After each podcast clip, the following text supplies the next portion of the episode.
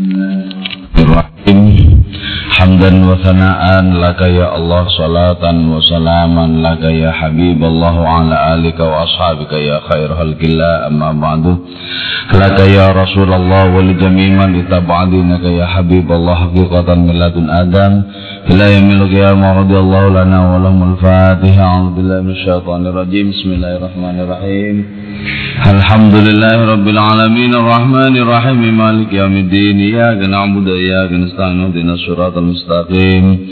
صراط الذين نمت عليهم والمغضوب عليهم والضالين آمين. لتقربنا إلى الله تعالى لمحبتنا إلى رسول الله صلى الله عليه وسلم لسلامتنا في الدين والدنيا والآخر لقضاء ديوننا لقضاء حاجاتنا من هواج الدنيا والآخر تيسير أرزاقنا حلالا طيبا مباركا كثيرا وسعا لسديساتنا قلوبنا شمراضنا ظهرا باطنا دفن البلايا والمحن والفتن والأمراض الأسقام ولمنافنا لمصالحنا لبيتنا وأولادنا وذرياتنا وجوارنا أصدقائنا جميع المسلمين والمسلمات والمؤمنين المؤمنات لا يأمنهم الأنبات ولا يعز الإسلام بالمسلمين بجودك يا الله بشفاعة نبيك يا الله ببركة أوليائك يا الله بأسرار الفاتحة. أعوذ بالله من الشيطان الرجيم.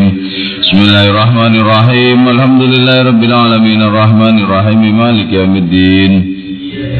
إياك نعبد وإياك نستعين اهدنا الصراط المستقيم صراط الذين أنعمت عليهم غير المغضوب عليهم ولا الضالين آمين بسم الله الرحمن الرحيم قال المصنف رحمه الله تعالى ونفعنا بعلومه وأمدنا بأسراره وأفاض علينا من بركاته وبكم آمين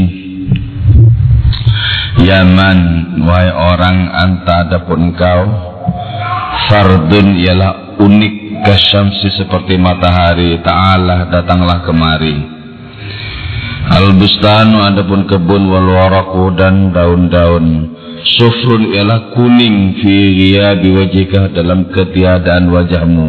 Fata'ala maka datanglah kemari. Al-alamu adapun alam ini fi ghiyabika dalam ketiadaanmu ghibarun ialah semata debu-debu.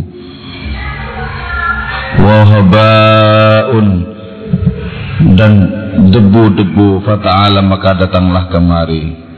Wahadhal majlis adapun majlis ini wahadhil hayat dan kehidupan ini baridani min dunikah ialah dingin min dunika tanpa kehadiranmu fata'al maka datanglah kemari Yaman wahai orang laisa tidak ada syam'u wajhika paroman wajahmu. Masnu'an ialah diciptakan. Ta'ala datanglah kemari. Wa Yaman wahai orang laisa tidak ada suratuka parupamu. Min ma'il mani dari air sperma. Ta'al datanglah kemari. La tukhfi nafsaka fil ghadab. Janganlah engkau sembunyikan nafsaka terhadap dirimu fil ghadab dalam kemurkaan Inna hasna sesungguhnya keindahanmu Ghairu qabin ikhfa Ialah tidak menerima ikhfa bagi adanya penyembunyian Ta'al datanglah kemari. Ayuhal masyuk Wahai engkau yang dicinta La tulih ala hilahi Janganlah engkau bersemangat. Ala hilahi atas kehancuranku Ta'ala datanglah kemari. Allah nanda pun warna. Alladhi ta'arif yang mengenal engkau kepada itu Ladhi isna'hu berbuatlah engkau kepada itu warna. Ta'ala datanglah kemari Ya man wahai orang alam tak mengajarkan kau al-makro kepada tibu daya likulli ruhin bagi setiap roh Isna berbuatlah engkau makar terhadap makar terhadap tibu daya wahai dan yang satu li untukku. Wa ta'ala dan datanglah kemari. Ya khudrata kulla syajarin bustanin mu'ashbin. Wahai hijaunya setiap pepohonan bustanin dan kebun usbin dan rumput. Ya sa'adati wahai kebahagiaanku wa ikbali dan diterimanya aku. Ya azamati wahai kagunganku wa jalali dan kagunganku Ya man wahai orang al-khulwat wassima adapun khulwat wassima dan nyanyian wal ikhlas dan ketulusan wal riya dan riya. Hadhihi adapun ini jami'an semuanya min duni hadratika tanpa kehadiranmu. Qura'un ialah omong kosong fatal maka datanglah engkau kemari. Ini berbicara tentang cinta yang mengantarkan seseorang untuk bebas dari segala belenggu apa pun. Jadi ya kalau dengan sungguh-sungguh dan dengan karunia Allah kita bisa membebaskan diri dari belenggu semesta. Kita bisa memerdekakan hati dari apa pun yang selain Allah Ta'ala. Maka kita akan muncul sebagai sebuah person yang unik. Unik. Jadi berada di tengah kepungan jebakan tapi terbebas dari setiap jebakan isi semesta ini adalah himpunan dari jebakan-jebakan ketika kita tertarik kepada ornamen-ornamen kepada rayuan-rayuan di dalam semesta ini, maka kita terjebak. Tapi ketika kita sanggup membebaskan diri, memerdekakan diri dari berbagai macam jebakan, maka kitalah makhluk-makhluk yang unik. Allah itu fardun ya. Fardun itu tidak saja bermana esa tapi unik. Dan orang-orangnya Allah itu unik. Unik memiliki jenis keistimewaannya masing-masing. Nah kepada orang yang seperti itu Maulana Nuri mengatakan Yaman anta fardun kasyamsi wa engkau Yang unik sebagaimana matahari Tal datanglah kemari Perjumpaan kita dengan orang yang posisinya seperti matahari Adalah pembebasan bagi diri kita. Pembebasan dari berbagai macam belenggu. Nah, Sampai untuk sampai kepada pembebasan itu itu hanya kekuatan cinta yang bisa mengantarkan ke sana. Jadi ketika cinta kita kepada Allah itu semakin utuh maka kita semakin merdeka dari apa pun yang lain tapi ketika masih ada kecintaan kita kepada yang lain kita tidak akan pernah kunjung merdeka karena itu berputus asalah dari apa pun yang selain Allah Ta'ala maka kita akan merdeka jadi karena itu siapa bilang putus asa itu buruk? Putus asa itu dalam hal seperti ini justru terpuji. Allahumma inna nas'alukal ya'sa min kulli siwak. Ya Allah, kami mohon kepadamu putus asa dari apa pun yang selainmu. Jadi kalau kita putus asa dari apa pun yang selain Allah Ta'ala, kita tidak akan pernah dibelenggu oleh apa pun yang selain hadiratnya itu nggak mungkin. Oh kita putus asa kok. Nah, ketika putus asa itu sudah putus terhadap apa pun yang selain Allah Taala, maka pengharapan itu hanya terfokus kepada hadiratnya, tidak mungkin kepada yang lain. Itu ya, itu makna dari puncak perjalanan cinta, pendakian cinta ilahiyat seseorang. Karena itu kita belajar untuk mengatakan sayonara, selamat tinggal kepada segala sesuatu. Jangan tambatkan hati kepada makhluk-makhluk agar kita tidak dibelenggu, agar kita tidak menjadi kecewa karenanya. Jadi kalau orang dikit-dikit hatinya tergores luka semacamnya itu, itu karena sering kali mudah tertambat sama makhluk. Jangan gampang tertambat sama makhluk biar tidak dikecewakan. Biar tidak gampang tergores. Katakan, segala peristiwa tidak akan pernah bisa menggores hatiku. Tidak juga engkau yang cantik. Jadi harus merdeka. Merdeka itu baru menjadi apa? Baru menjadi utusan cinta. Kalau setiap berjumpa saja pening, berjumpa saja pening. Kapan akan menjadi merdeka? Kalau setiap perjumpaan hanya melahirkan adanya kegetiran dan rasa sakit dalam hati, kapan mau menjadi merdeka? ketemu malah jadi persoalan maka kemudian muncul muncul sebuah syair kan bukan perpisahan yang kusesalkan tapi perjumpaan kenapa ini terjadi itu orang-orang yang sudah tergores dan sulit untuk bisa disembuhkan hatinya itu berarti apa belum merdeka dari jebakan selain Allah Ta'ala merdekakan diri kita bikinlah kontrak putus asa dengan segala sesuatu yang lain. Nah orang yang seperti itu posisinya seperti apa? Al bustan wal sufrun fi biwajhika. Kebun-kebun, daun-daun akan menjadi kuning ketika ditinggalkan kehadiran wajahmu. Jadi dari mana datangnya hijau kebun? Dari mana datangnya hijau daun? Dari mana rimbunnya pepohonan? Kalau tidak karena kehadiran wajahmu. Semesta ini hidup murni berhutang budi kepada para pecinta ilahiyat. Adanya kehidupan yang berputar, adanya kebahagiaan, kesenangan dirasakan oleh makhluk-makhluk, itu adalah merupakan jasa dari para pecinta ilahiyat. Andaikan para pecinta ilahiyat sudah pergi hengkang dari bumi ini, maka tidak ada alasan untuk mempertahankan kehidupan di alam semesta yang fana ini. Tidak ada alasan. Itulah jimat-jimat kehidupan. Nah, terhadap orang seperti itu kita katakan tak datang kemari, datang kemari. Untuk apa? Untuk membebaskan belenggu-belenggu kita. Untuk membuka tali temali yang mengikat kita. Ayo datang kemari. Bebaskan aku ini dari belenggu kefanaan apa pun di dunia ini. Bebaskan. Ya. Hanya utusan cinta yang bisa membukakan tali temali yang melilit setiap orang. Hanya utusan-utusan cinta yang bisa begitu. Karena itu kita berjumpa dengan utusan-utusan cinta ilahiyat, pasrahkan diri kita agar dibebaskan dari belenggu kehidupan yang hana ini. Pasrahkan. Tolong dong dibukakan belenggu-belenggu hati ini. Nah, orang yang seperti itu ketika berdoa kepada Allah Subhanahu wa taala, itu sudah tidak ada hijab, selembar pun tidak ada hijab. Ketika orang itu berdoa kepada Allah, suruh doa Allah kepada dirinya sendiri. Bagaimana mungkin tidak diijabai? Orang yang seperti itu, yang wajahnya itu menjadi alasan bagi hijaunya kebun-kebun dan daun-daun, Orang yang seperti itu sudah terbebaskan dari apa pun yang lain. Seluruh langgam hidupnya adalah irama ilahi semata-mata. Maka doanya adalah serupa doa Allah kepada dirinya sendiri yang tak mungkin untuk tidak diijabai. Jadi ketemu orang-orang seperti itu, serahkan diri kita agar kita bisa terbebaskan dari cengkraman apa pun yang lain. Alam ini tanpa kehadiranmu tak lebih sebagai debu-debu yang berterbangan tanpa makna.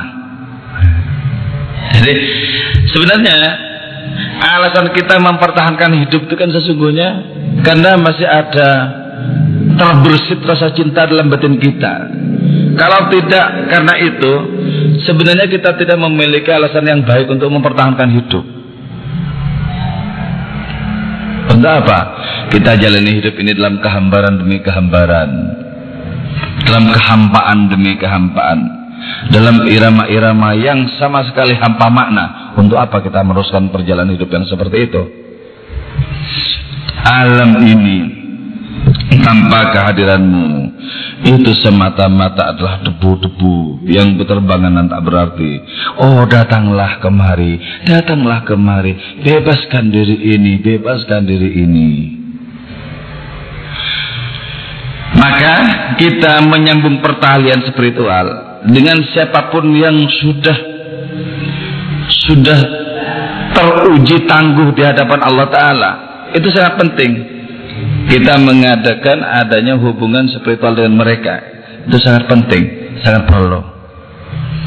Sebab untuk mengepakkan sayap sendiri ke langit-langit keabadian kita tidak memiliki sayap cinta dan kita tidak bisa bergabung dengan mereka di sana satu-satunya cara adalah bagaimana kita panggil dengan kerendahan hati orang-orang yang sudah dibebaskan oleh Allah Ta'ala terhadap segala sesuatu yang selainnya karena kekuatan cinta. Kita panggil, mohon datang kemari untuk membebaskan diri ini agar aku juga menjadi bagian dari utusan-utusan cinta ilahiyat. Mohon datanglah kemari ta'al ta'al ta'al. Majlis ini, kehidupan ini sungguh sangat dingin, hambar tak bermakna tanpa kehadiranmu. Ya, ya. Ketika kita menjalani hidup kita dengan monoton, monoton, sudah tidak ada lagi pengharapan-pengharapan cinta. Betul menjenuhkan hidup ini sebenarnya. Dari pagi sampai sore itu itu saja yang dijalani tanpa adanya perasaan yang baru, tanpa adanya pengalaman yang baru, tanpa adanya pemaknaan yang baru. Hambar toh hidup Masa cuma melakukan pengulangan-pengulangan begitu saja. Cinta yang akan membebaskan seseorang dari jenuhnya pengulangan. Karena dia ketika ditanya, bumi ditanya, kenapa bumi? Engkau melakukan hal yang sama sudah berabad-abad. Kenapa? Dari dulu kau berputar begitu saja.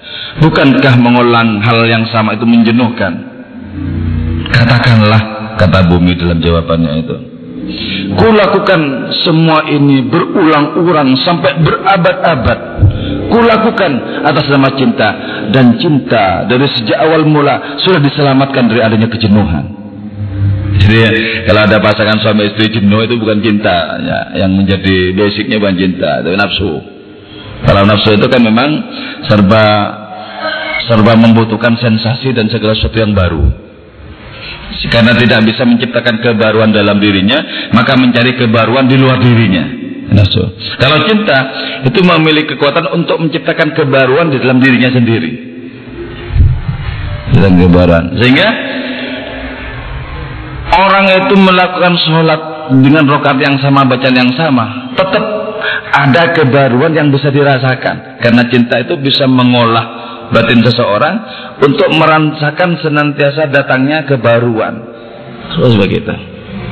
Percumbuan di dalam wilayah cinta tidak pernah mengalami pengulangan. Biarpun orang-orang mengatakan dari luar sana, oh itu melakukan hal itu berkali-kali. Oh kenapa kok tidak jenuh? Kenapa? Kenapa? Ya. Orang yang berada di luar lingkaran cinta tahu apa mereka tentang gemuruh cinta dalam batin mereka. Tahu apa mereka tentang kesanggupan cinta untuk menciptakan kebaruan-kebaruan? Tidak paham apa-apa. Hanya orang yang sudah bisa merasakan orang ini baru bisa memasuki wilayah kedalaman dan kejernihan cinta. Selebihnya tidak tahu apa-apa. Majlis ini, kehidupan ini sungguh menjadi sangat hambar, menjadi dingin tanpa kehadiranmu. Oh engkau yang menjadi kehangatan kehidupan ini, datanglah kemari, bebaskan diri ini dari belenggu apa pun yang selain hadiratnya. Oh engkau yang roman wajahmu sama sekali bukanlah makhluk, bukanlah ciptaan. Datanglah kemari. Allah menggunakan kata-kata wajah di dalam ayat Al-Quran. Kullu syai'in halikun illa wajah. Segala sesuatu hancur kecuali wajah Allah Ta'ala. Dan siapa pun yang hidupnya sudah berdegupkan cinta, bereskan cinta ilahiyat, maka wajah orang ini sesungguhnya adalah representasi dari wajah Allah Ta'ala. Karena itu man nadhara fi wajhi alima annahu laisa biwajhi kadzab. Itu dalam kitab dalam kitab Biba ya. Orang yang memandang wajah Rasulullah langsung kemudian paham dan tahu merasakan ini bukan wajah pembohong. Kenapa? Karena cahaya dari cinta ilahiyat. Terus di dalam syairan di bak juga disebutkan man ra'a wajhaka yas'ad orang yang memandang wajahmu ya Rasul pasti berbahagia. Jadi wajah Nabi itu adalah pembebasan dari setiap kekalutan dan kepedihan. Orang yang kalut dan pedih datang kepada Nabi menghadap menghadap kepada wajah Nabi seketika akan terbebaskan dari kekalutan dari duka cita Kenapa? Karena wajah itu representasi dari kehadiran Allah Ta'ala. Wajah itu adalah wajah utusan cinta ilahiyat. Wajah itu membuat orang terbebaskan dari segala belenggu apa pun. Nah, kalau seperti itu, wajah seperti itu, bisakah dikatakan itu makhluk? Bukan makhluk itu. Ya man laisa syam'u wajika masnu'an. Wahai orang yang wajahmu itu roman wajahmu itu tidaklah diciptakan. Kalau diciptakan kan makhluk. Tidak. Ini murni merupakan tajalli ilahiyat kehadiran Allah Ta'ala. Ta'ala tolong dong datang kemari. Maka satu kali saja lirikan Rasulullah itu bisa membebaskan orang dari dosa-dosa. Rasulullah melirik kita dengan pandangan belas kasih seketika kita akan dibebaskan dari belenggu dosa-dosa dan berbagai macam kedurhakaan. Kita terbebaskan dari keterpincutan kepada apa pun yang lain. Karena itu, wahai orang yang sudah disucikan dengan cinta ilayat, sekali saja meliriklah ke sini, meliriklah kemari agar terbebaskan diri ini dari segala tipu daya kehidupan ini. Jadi, karena itu kita menemukan orang yang wajahnya murni konsentrasi kepada Allah Ta'ala pepet orang yang seperti itu dan pasrahkan nasib kita kepadanya. Agar apa? agar diperjuangkan dalam doa-doanya. Dan doa orang yang seperti itu serupa doa Tuhan kepada dirinya sendiri yang tak mungkin untuk tidak diijabahi karena itu ya kalau para aulia itu kepada mereka banyak orang yang menitipkan nasibnya saya menitipkan diri saya sama keluarga saya minta tolong Artinya apa? Biar orang ini bernegosiasi dengan Allah Subhanahu wa taala tentang pembebasan nasib kita. Eh. Kalau tidak karena kehadiran cahaya Allah pada, pada diri orang yang seperti itu, bagaimana mungkin orang seperti itu bisa memberikan syafaat? Nabi kita, junjungan kita sampai menyatakan syafaati li ahlil kabair min ummati Syafaatku juga mencakup orang-orang yang melakukan dosa besar di kalangan umatku. Kalau tidak dari saking bercahaya wajah beliau untuk membebaskan nasib orang, bagaimana mungkin bisa bersabda seperti itu coba? Maka kita yang tahu bahwa diri kita sering kali masuk tergenang dalam lumpur dosa-dosa, pasrahkan diri kita untuk apa? Untuk dibebaskan dengan roman wajahnya yang sama sekali bukan dalam makhluk tapi representasi dari kehadiran wajah Allah Subhanahu wa taala. Kalau kita dianugerahi wajah yang seperti itu, maka kita tidak akan pernah mati. Kita tidak akan pernah fana. Kita senantiasa abadi. Coba ya ada hadis kutsi yang menyatakan begini. Ya abdi, i'mal kama amartuka wantahi amma nahaituka anhu aja'alka hayyan la tamutu abadan. Wa ana hayyun la yamutu abadan. Wahai hambaku kerjakan apa pun yang kuperintahkan kepadamu. Jadi ketika ada perintah kita kerjakan tanpa mempertanyakan kenapa ini diperintahkan. Langsung saja akal ketika berhadapan dengan perintah sering kali menjadi cecunguk dan cobaan bagi diri kita. Kenapa? Kenapa? Kenapa? Padahal asal usul kemaksiatan itu adalah pertanyaan kenapa. Iblis terjerumus dalam pembanggangan ketika bertanya kenapa. Di saat diperintahkan untuk sujud kepada Nabi Adam, kenapa mesti bersujud? Kenapa sudah menjadi menjadi sarana bagi adanya pengingkaran iblis?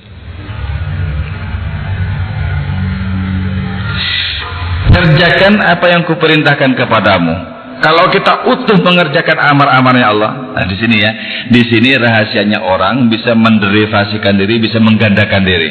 Salah satu karomah para aulia itu kan bisa mengerjakan banyak hal di berbagai tempat pada saat yang bersamaan pada saat yang bersamaan gimana kok bisa begitu ya? Artinya orang kan bisa membelah diri. Menjadi dua tiga sampai sekian tak terhingga.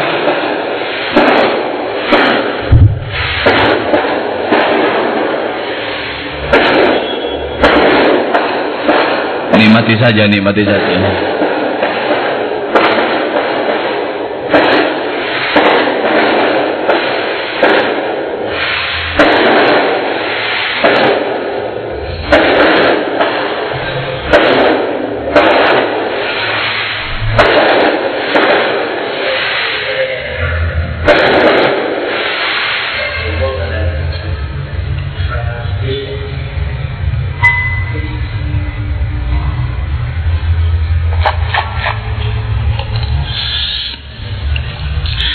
Kenapa ya?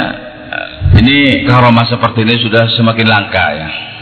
Semakin langka ditemukan. Menggandakan diri menjadi sekian.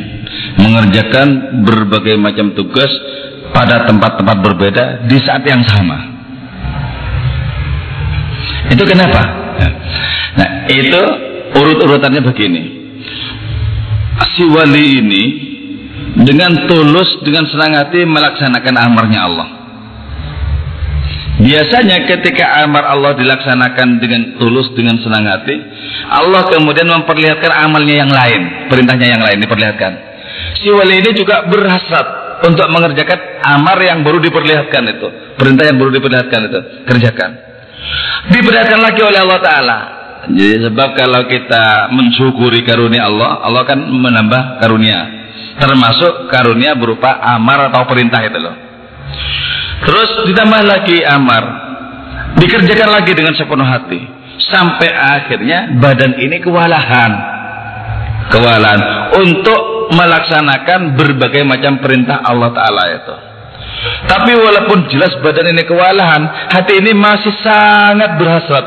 Ya Allah, seandainya itu bisa dilaksanakan, yang itu seandainya bisa, itu bisa. Kekuatan dalam hati untuk melaksanakan amar-amar itu, maka dengan izin Allah, roh orang ini mengalami tajasud. Tajasud itu proses menjadi jasad. Misalnya ya misalnya pada malam hari ini saya ngisi di sini, saya pengen sebenarnya ngisi di tempat lain yang tanpa pamrih sedikit pun, semata-mata untuk melakukan pembebasan. Nah, keinginan saya yang kuat itu itu bisa muncul sebagai wujud saya di tempat yang semestinya saya ngisi, tapi saya tidak bisa. Itu namanya tajasud tajasud. Jadi menjelma jasad. Nah, itu tidak hanya satu, bisa menjelma sekian. Saya pernah baca dalam kitab Tabaqat ya. Ada seorang wali Allah bernama Syekh Ahmad Al-Hadri. Syekh Ahmad Al-Hadri ini di hari Jumat di jam yang sama mengisi khutbah di 30 masjid. Jadi ini seorang wali ini kadang waras, kadang jadab ya. Jadi kadang waras, kadang jadab. Pas di tempat di mana kemudian orang-orang dari 30 masjid itu berjumpa di situ. Ini pas jadab. Saya Yohanes La ilaha lakum illa iblis. jadi, jadi kepada orang-orang yang ada di depannya di masjid itu, dia bilang, wahai manusia, kalian tidak punya Tuhan kecuali iblis. Bersamaan dengan itu dia ngambil pedang, sweng, mau dipedang jamaah aja mau kabur semuanya. kabur semuanya. Akhirnya dia khutbah sendiri di mimbar itu. Nah setelah, setelah selesai proses khutbah yang menggembarkan itu banyak-banyak kafilah, banyak rombongan datang ke tempat itu dan semuanya bercerita bahwa di masjid mereka masing-masing itu khutbahnya tadi diisi oleh Syekh Ahmad Al Hadri 30 masjid loh. Satu orang itu. Jadi karena amar itu dilaksanakan dengan sungguh-sungguh dengan kenikmatan dengan senang hati Allah memperlihatkan amar berikutnya berikutnya berikutnya sampai terbatas jasadnya si wali ini maka dia dengan kesungguhannya untuk tetap bisa melaksanakan andaikan dikasih kekuatan kemampuan oleh Allah Ta'ala maka Allah Ta'ala menjadikan ruh si wali ini mengalami jasad di berbagai macam tempat. Sesungguhnya masuk akal. Orang membelah diri itu masuk akal. Masuk akal. Karena itu, jangan pernah dalam hati itu kalau bisa. Misalnya, ada amal ini dikerjakan, diberikan yang lain. Diberikan yang lain. Jangan pernah mengeluh. Ini gimana kok berat banget. Jadi walaupun tidak masuk akal, kerjakan. Saya pernah ketemu dengan seorang waliullah Sebenarnya perintah-perintahnya nggak masuk akal. Dia bilang sama saya, angkat saya, kan? Saya tahu saya tidak akan mampu ngangkat, tapi tak angkat. Nggak kuat ya? Nggak kuat. Tapi suruh angkat, angkat. Kau gitu. Kalau saya menggunakan akal, percuma saya lakukan perintah ini. Toh juga saya tidak kuat. Kalau menggunakan akal untuk sementara saya buang. Untuk apa? Untuk kepatuhan yang mutlak, yang tanpa reserve itu. Angkat. Saya nggak kuat.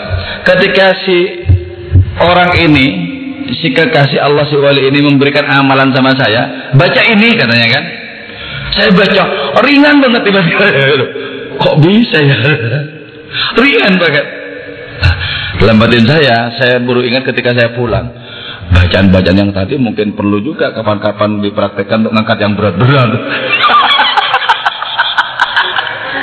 tapi sampai hari ini saya belum mempraktekannya tapi bacaannya saya ingat saya ingat tanpa saya menghafal. Oh.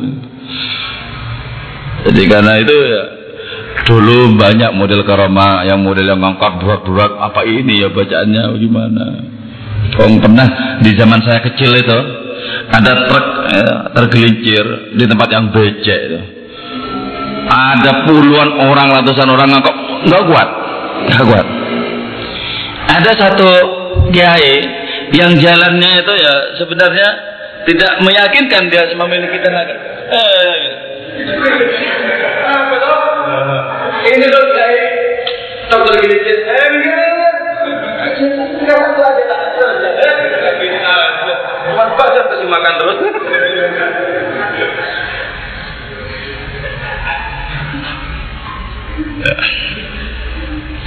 Satu ya amar.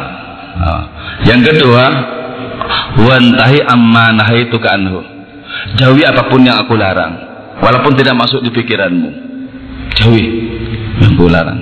Nah, kalau ini total kita lakukan, total kita lakukan, apa jaminan dari Allah Taala? Aja'alkah hayyan la tamutu abadan. Kujadikan kau hidup tidak pernah mati selamanya. Jadi perpindahan ke kubur itu sekedar perpindahan, sekedar perpindahan menuju taman rekreasi yang lebih sempurna, yang lebih luas, yang lebih menyenangkan. Karena itu para aulia itu merindukan kematian, oh kematian, kematian. Dulu kau kutunggu-tunggu, oh kematian, oh kematian. Beda dengan orang-orang yang hanya hanya kebak hatinya dengan nafsu dan syahwat. Pasti takut dengan kematian itu. Jangankan kematian, penyakit yang agak serius saja menimpa dia, udah ketakutan. Aduh, aduh, aduh. Udah ketakutan. Orang yang lurus di amal dalam rangka melaksanakan perintah Allah Ta'ala. Orang yang lurus dalam menjauhi apa pun yang dilarang oleh Allah Ta'ala.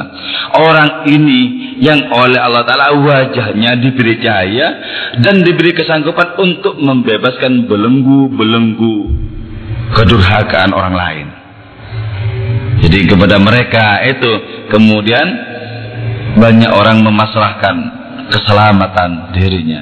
Tolong dong, tolong negosiasi negosiasikan nasib saya di hadapan Allah Ta'ala.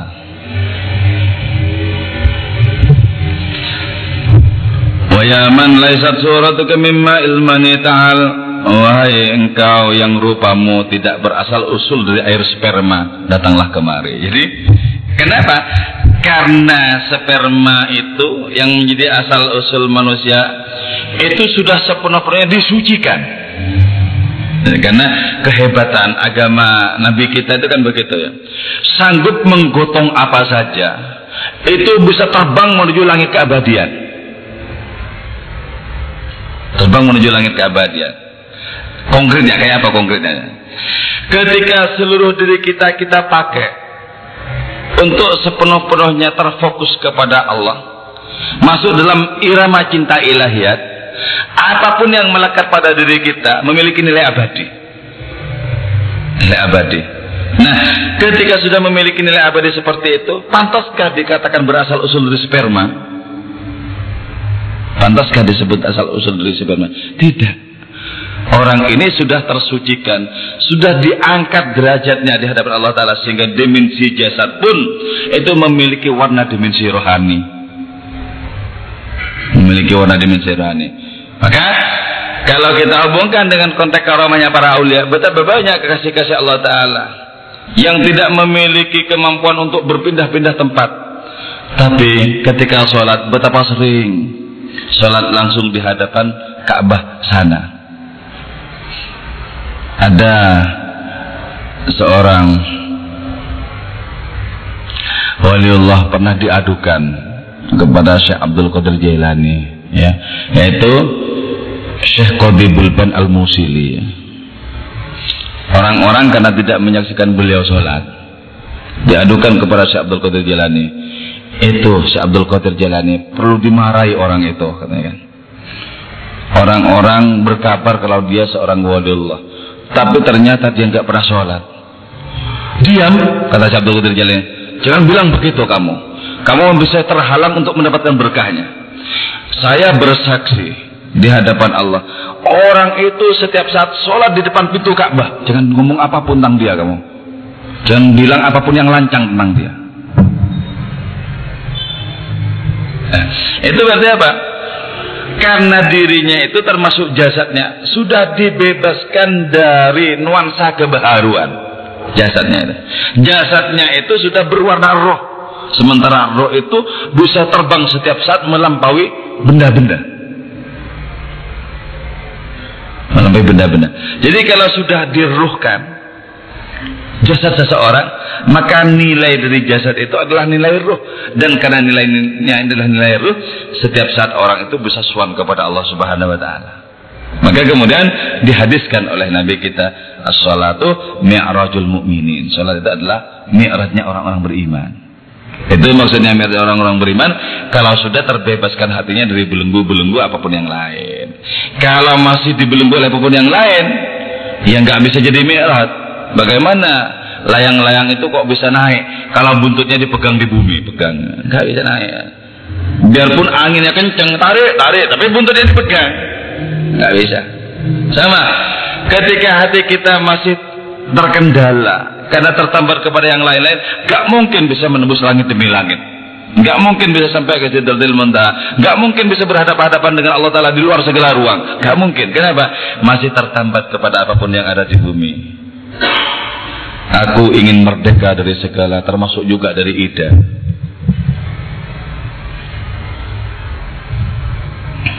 Nanti coba ya yang yang kalau bujang-bujang itu kan sulit untuk membebaskan hatinya ya.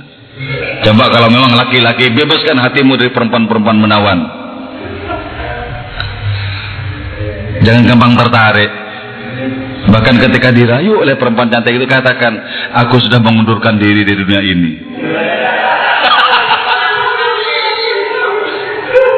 Gampang tertarik ya, percuma walaupun ngaji rubayatnya Rumi. Ya, tapi lumayan lah ya.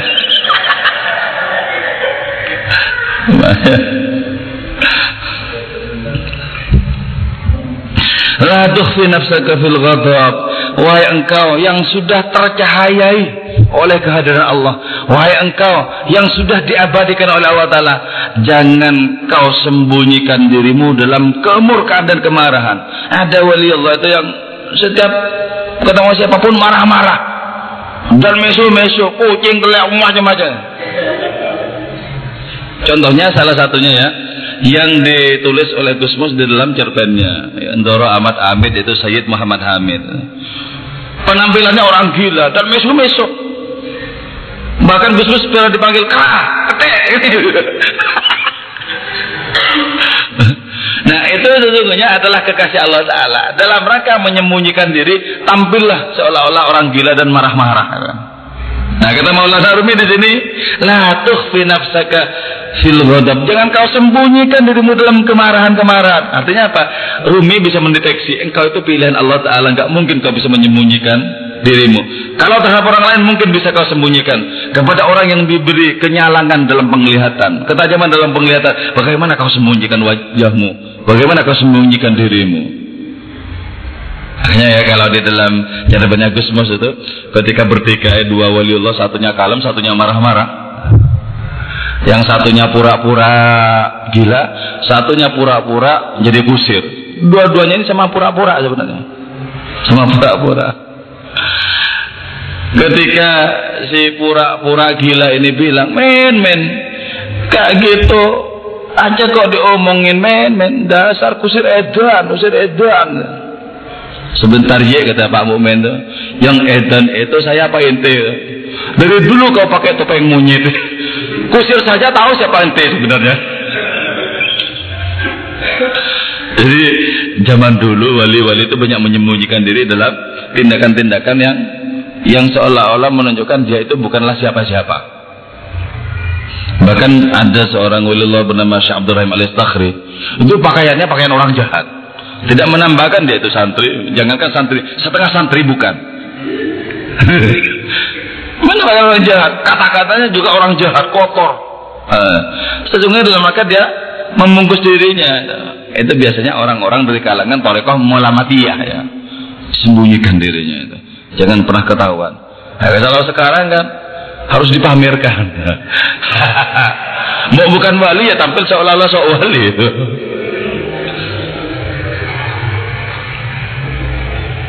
Kenapa tidak boleh menyembunyikan diri dalam kemaran karena keindahanmu tak mungkin bisa disembunyikan. Jadi keindahan orang karena sudah tercahayai oleh cinta ilahiyat itu nggak bisa disembunyikan dengan apa pun.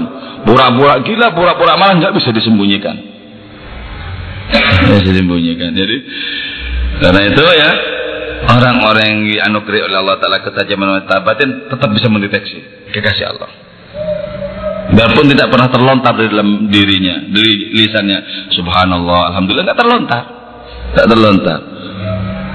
Jadi tidak mudah untuk bilang Masya Allah. Enggak mudah. Nah, sekarang itu kan, ini mana yang tenanan, mana sing ora. Ketika bilang Masya Allah, ini beneran, ini apa sore, apa apa. Menjadi semakin tidak jelas nasibnya Masya Allah itu.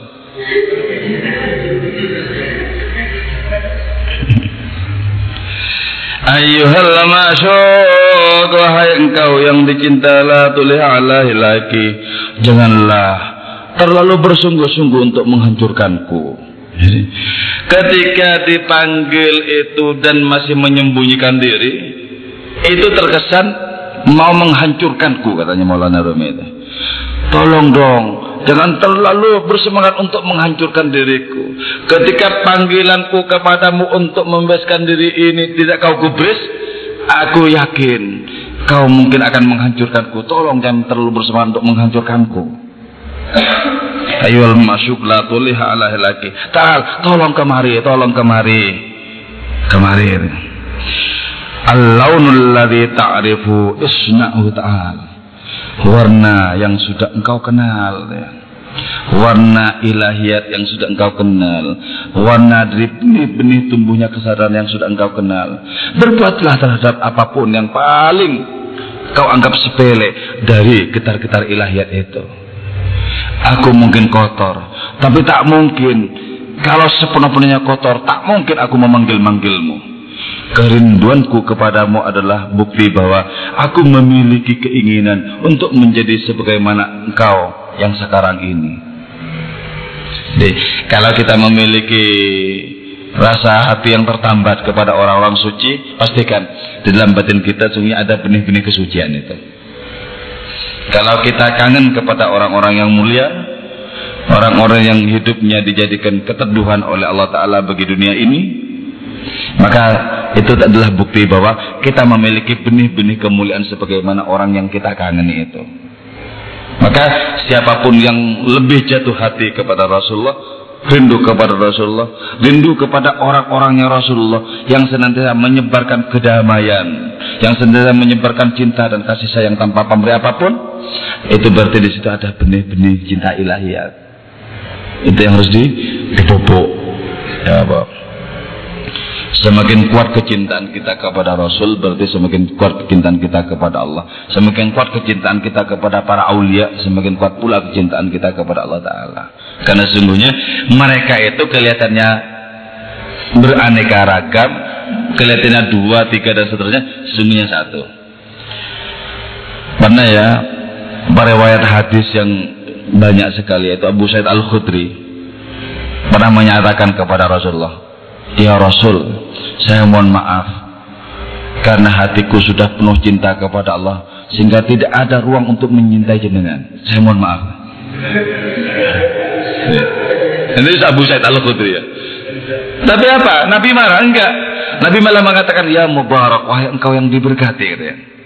Ketahuilah cintamu kepada Allah itu cintamu kepada aku sama saja. Kelihatannya dua hakikatnya satu. Jadi walaupun seolah-olah tidak ada ruang untuk Nabi, ketika kita murni cinta kepada Allah Taala, sungguh cinta kepada Nabi. Sebab siapakah yang menteladankan Allah kalau bukan Nabinya? Jadi jangan dikira dengan begitu Nabi murka yang enggak malah. Enggak.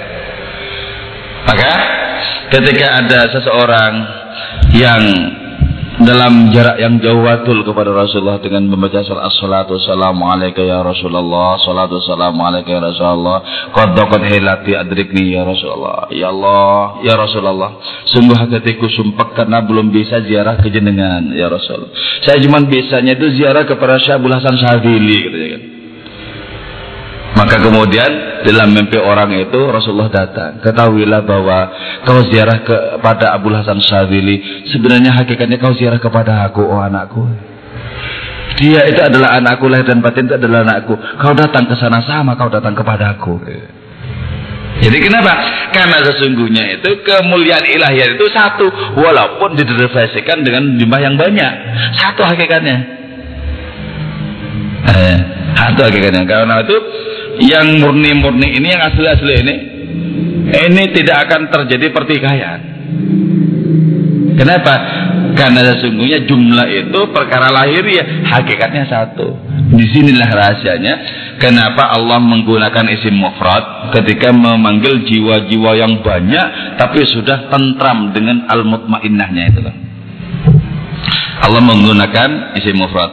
Ya ayyatuhan nafsul mutmainnah wahai jiwa yang tenang. Itu mufrad mestinya kan karena jiwa yang tenang itu jumlahnya ribuan jutaan miliaran, mestinya kan bukan ya ayyuhan nafsul mutmainnah, tapi ya ayyuhal anfus Tapi kenapa mufrad? Karena hakikatnya satu. Hakikatnya satu. Nah kalau berada dalam genangan hakikat seperti ini, dalam telaga hakikat seperti ini, bagaimana mungkin bisa bertikai? Kayak itu ya. Kalau itu kalau pertikaian yang dalam cerminan Gusmus tadi itu pertikaian lahiriah saja sebenarnya kan. Untuk apa? Untuk Allah Taala membuka tabir dari mereka berdua.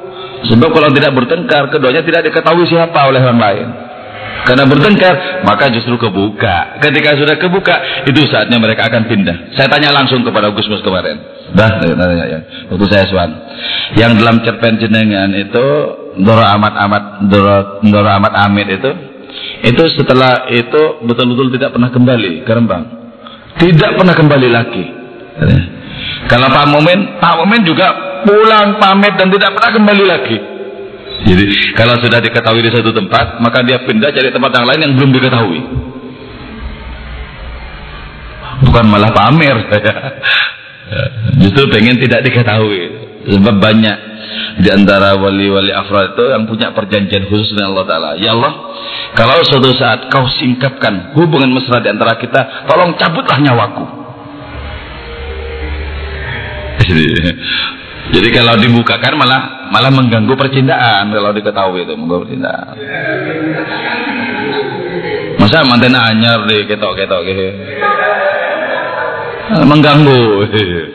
Ada memang di antara wali-wali afro itu begitu.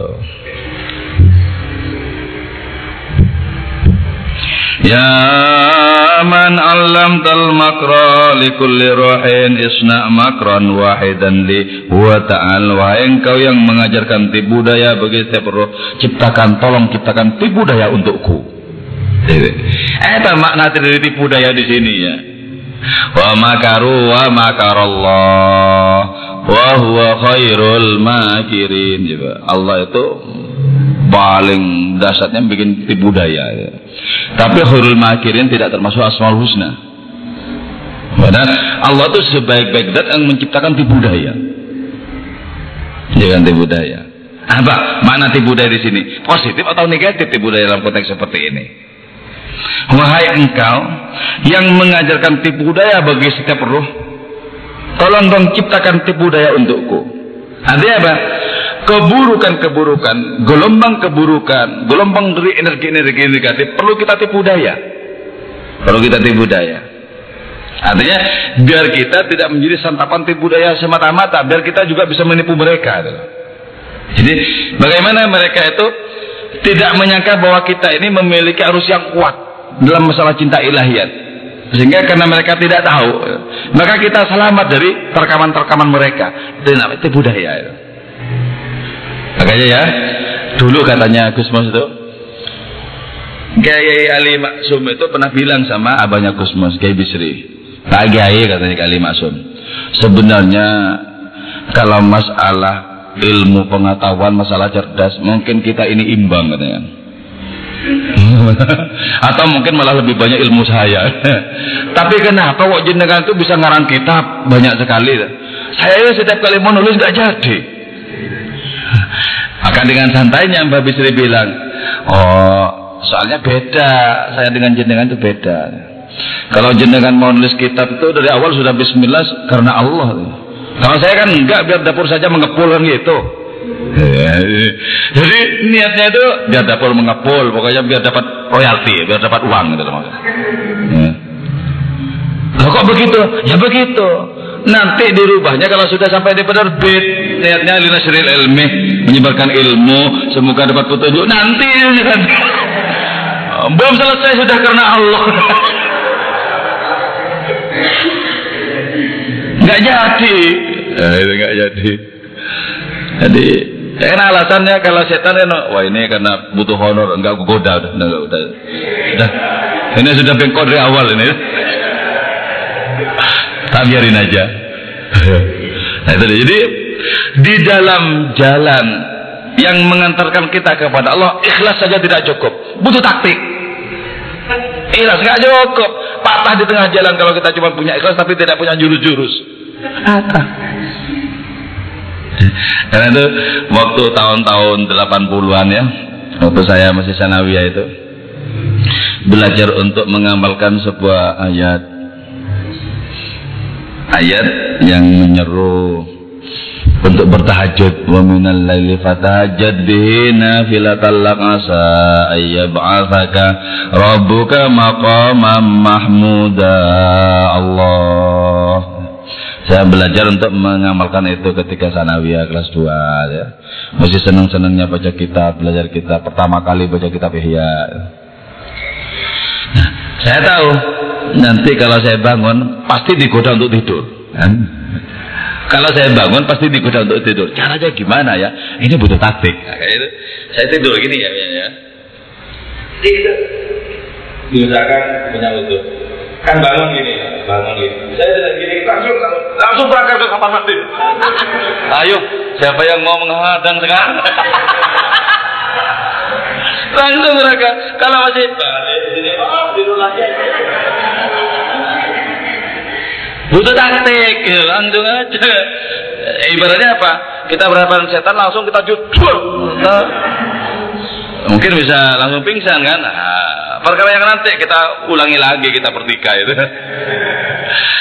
Jadi kalau jangan masih dipikir mau bangun kan kadang dipikir ini masih kemalaman. Jam 2 soalnya ah, nanti setelah itu hilang di subuhnya bisa hilang. Kan kemalaman. Oh, malaman. Jadi maunya itu pengennya sebenarnya jam 3 cuman karena masih setengah tiga masih kemalaman. Tidur lagi malaikat bosan untuk membangunkan. Biarin ada wajah-wajah pemalas seperti ini. Tinggalkan ah ini perlu adanya tipu daya wallahu khairul magirin tapi dalam konteks ayat tadi wa makaru makallah. Wa makaru dan berbuat tipu daya mereka. Wa makar Allah dan berbuat tipu daya juga Allah. Wallahu khairul magirin Allah sebaik-baik menciptakan tipu daya. Artinya apa? Orang-orang munafik itu mau menipu Allah taala. Yukhadi'un Allah wa khadi'uhum. Mau menipu. Misalnya ketika mereka berkumpul dengan Nabi masjid itu ketika turun ayat Kan mereka takut kalau ayat itu tentang orang munafik. Takut kan mesti tahu. Bagaimana mungkin Allah nggak tahu kan? Ketika turun ayat mereka mundur mundur. ya pura-pura mau ludah keluar kabur. kan mereka mau bikin tipu daya. Ketika peperangan misalnya juga mereka bikin tipu daya menciptakan alasan. Inna buyutana auratan. Rumah-rumah kami kosong. Ini terus ada yang menjaga untuk apa? Untuk mengantisipasi serangan balik.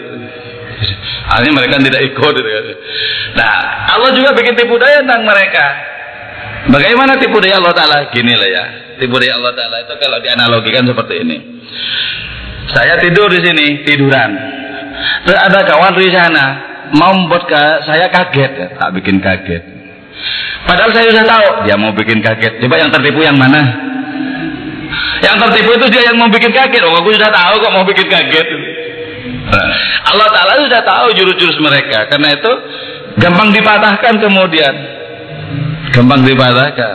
Nah, itu yang disebut dengan wa makarallah. Karena itu wallahu khairul makirin. Allah itu sebaik-baik pembuat tipu daya. Maka kita mohon kepada Allah Ta'ala, ya Allah anugerahkan kepada diri kami tipu daya yang bisa menjadikan kami lolos dari jebakan-jebakan semesta ini. Lolos dari hadangan-hadangan musuh-musuhmu. Anugerahkan kepada kami kekuatan tipu daya. Di samping keikhlasan, cinta dan kasih sayang. Enak. Jadi jangan percaya dengan keikhlasan semata-mata jangan percaya keikhlasan semata-mata itu berat nanti dampaknya efeknya berat sekali Isna makron dan tolong dong buatkan aku satu macam saja dari tipu daya. Tak, datanglah kemari, datanglah kemari. Ya khudrata kulli syajarin wa bustanin wa ushbin wa hijaunya setiap pohon hijaunya kebun hijaunya rumputan ya sa'adati wa kebahagiaanku jadi hijaunya pohon itu artinya apa? Ruh dari kehidupan pohon, pohon kehidupan. Ruh dari kebun-kebun, ruh dari rumput-rumput, ruh dari segala sesuatu yang hidup. Wahai kebahagiaanku, wahai kekuatan yang menjadikanku bisa menghadap kepada Allah Ta'ala. Ya azmati wahai keagunganku, datang kemari, datang kemari. Jadi karena itu Nabi kita itu ruhi anta ya Rasulullah ruhi Engkau Rasulullah itu adalah rohku. Anta ya Rasulullah azumati. Engkau itu adalah keagunganku. Nah, kepada orang-orang yang jelas sudah usul kepada Allah Ta'ala Jadikan mereka itu sebagai kebanggaan kita Sebagai keagungan kita Dan dengan demikian Kita akan dibikin nyambung dengan Allah Subhanahu Wa Ta'ala Wahai engkau di mana khalwat, tarian, nyanyian, keikhlasan dan ria, semuanya tidak berarti tanpa kehadiranmu. Jadi ternyata yang namanya khalwat, namanya tarian sufi, namanya lagu-lagu rohani, keikhlasan, ria dan lain semacamnya, semua itu tanpa kehadiranmu adalah omong kosong.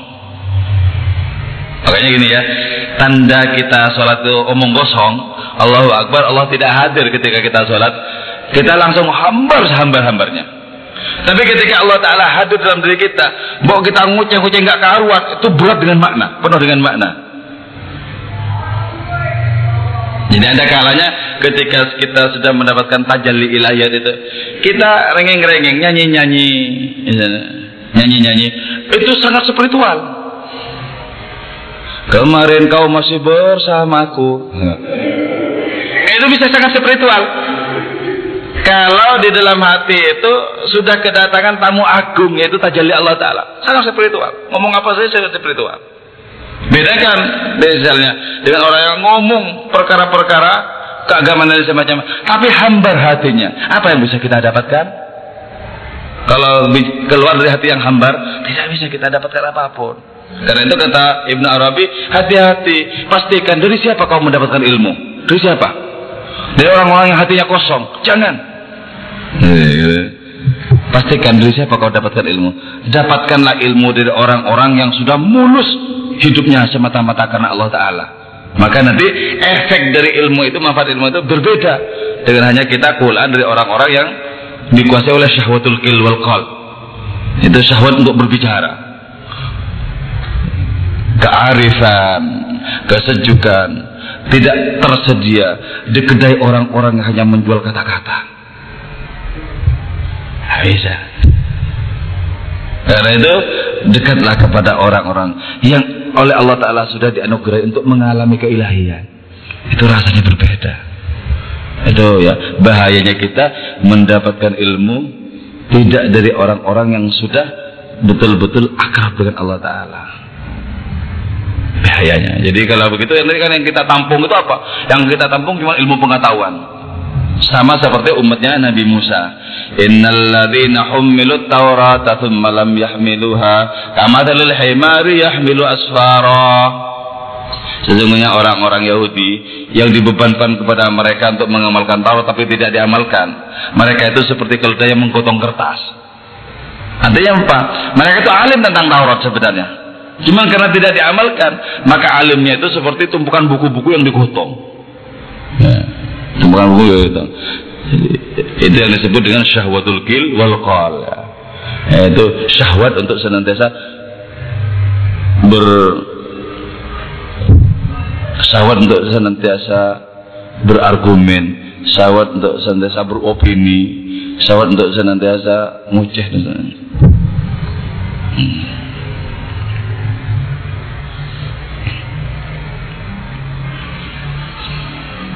Makanya riaknya orang yang makrifat itu jauh lebih bermakna ketimbang ikhlasnya orang-orang awam. Padahal riak lah ya. Orang makrifat itu riak. Itu jauh lebih berguna. Jauh lebih berguna. Kenapa? Karena tingkatannya yang jauh lebih tinggi. Gitu. Tingkatannya yang jauh lebih tinggi. Atau ngoceh-ngocehnya orang yang riak itu. Orang yang makrifat itu lebih bernilai ketimbang kesungguhannya orang-orang yang yang awam. Itulah ya tahun-tahun tahun-tahun 20-an awal ya tahun 20-an. Itu di Bangkalan itu waktu musim hujan banyak kalah jengking itu loh. Kalah jengking. Ada seseorang yang kena sengat kalah jengking itu loh. Dan orang ini mengerang kesakitan. Oh. Nah, orang yang kena sengat kelajengking itu dibawa ke tempatnya Ki Holil Bangkalan. Ada apa? Ada apa menjadi eh, ini kena sengat kelajengking Pak Kiai. Dipegang sama Mbak Holil yang kena sengat kelajengking sambil menyebut apa tuh? Menyebut kemaluannya laki-laki dan perempuan. Palak boke, palak boke. boros, boros, boros, sembuh, sembuh, sembuh ya. Padahal ya. Apa coba? Coba orang sakit kayak gitu dibawa kepada ustadz-ustadz anyaran ya. Masya Allah, Alhamdulillah, Masya Allah, Masya Allah. Makin, makin kambuh.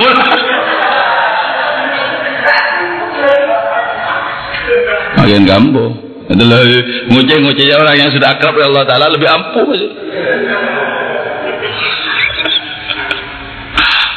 Eh, sekarang orang-orang kesurupan dibaca macam-macam tetap saja kesurupan.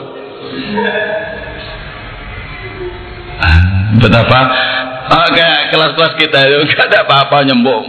Apa aja yang dibaca itu mesti dilakukan. Mau ngomong apa harus dilakukan. Padahal dalam keterangan kitab kalau baca ini sembuh, enggak sembuh juga. nah yang dibaca Maulid itu gak ada kitabnya. Itu kok sembuh?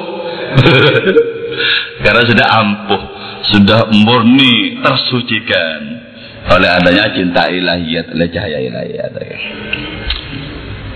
satu dua tiga empat. Empat bait ya. ada yang mau tanya kan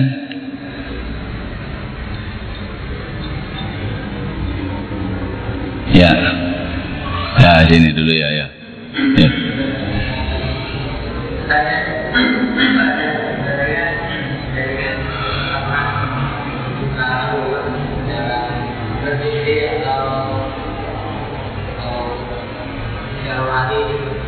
Gimana?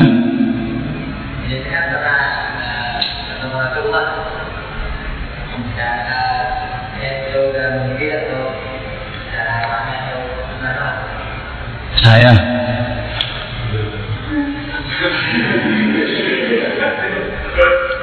sebenarnya mau bohong gak enak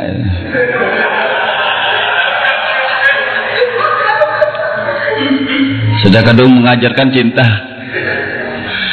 Saya itu baru dua kali bermimpi Rasulullah. Pertama ketika saya masih bujang, ketika ngekos di pinggir sungai Kejawong. Saya waktu itu mengamalkan Laqad ja'akum rasulun min anfusikum azizun alaihi ma antum harisun alaikum bil mu'minina raufur rahim. Ya.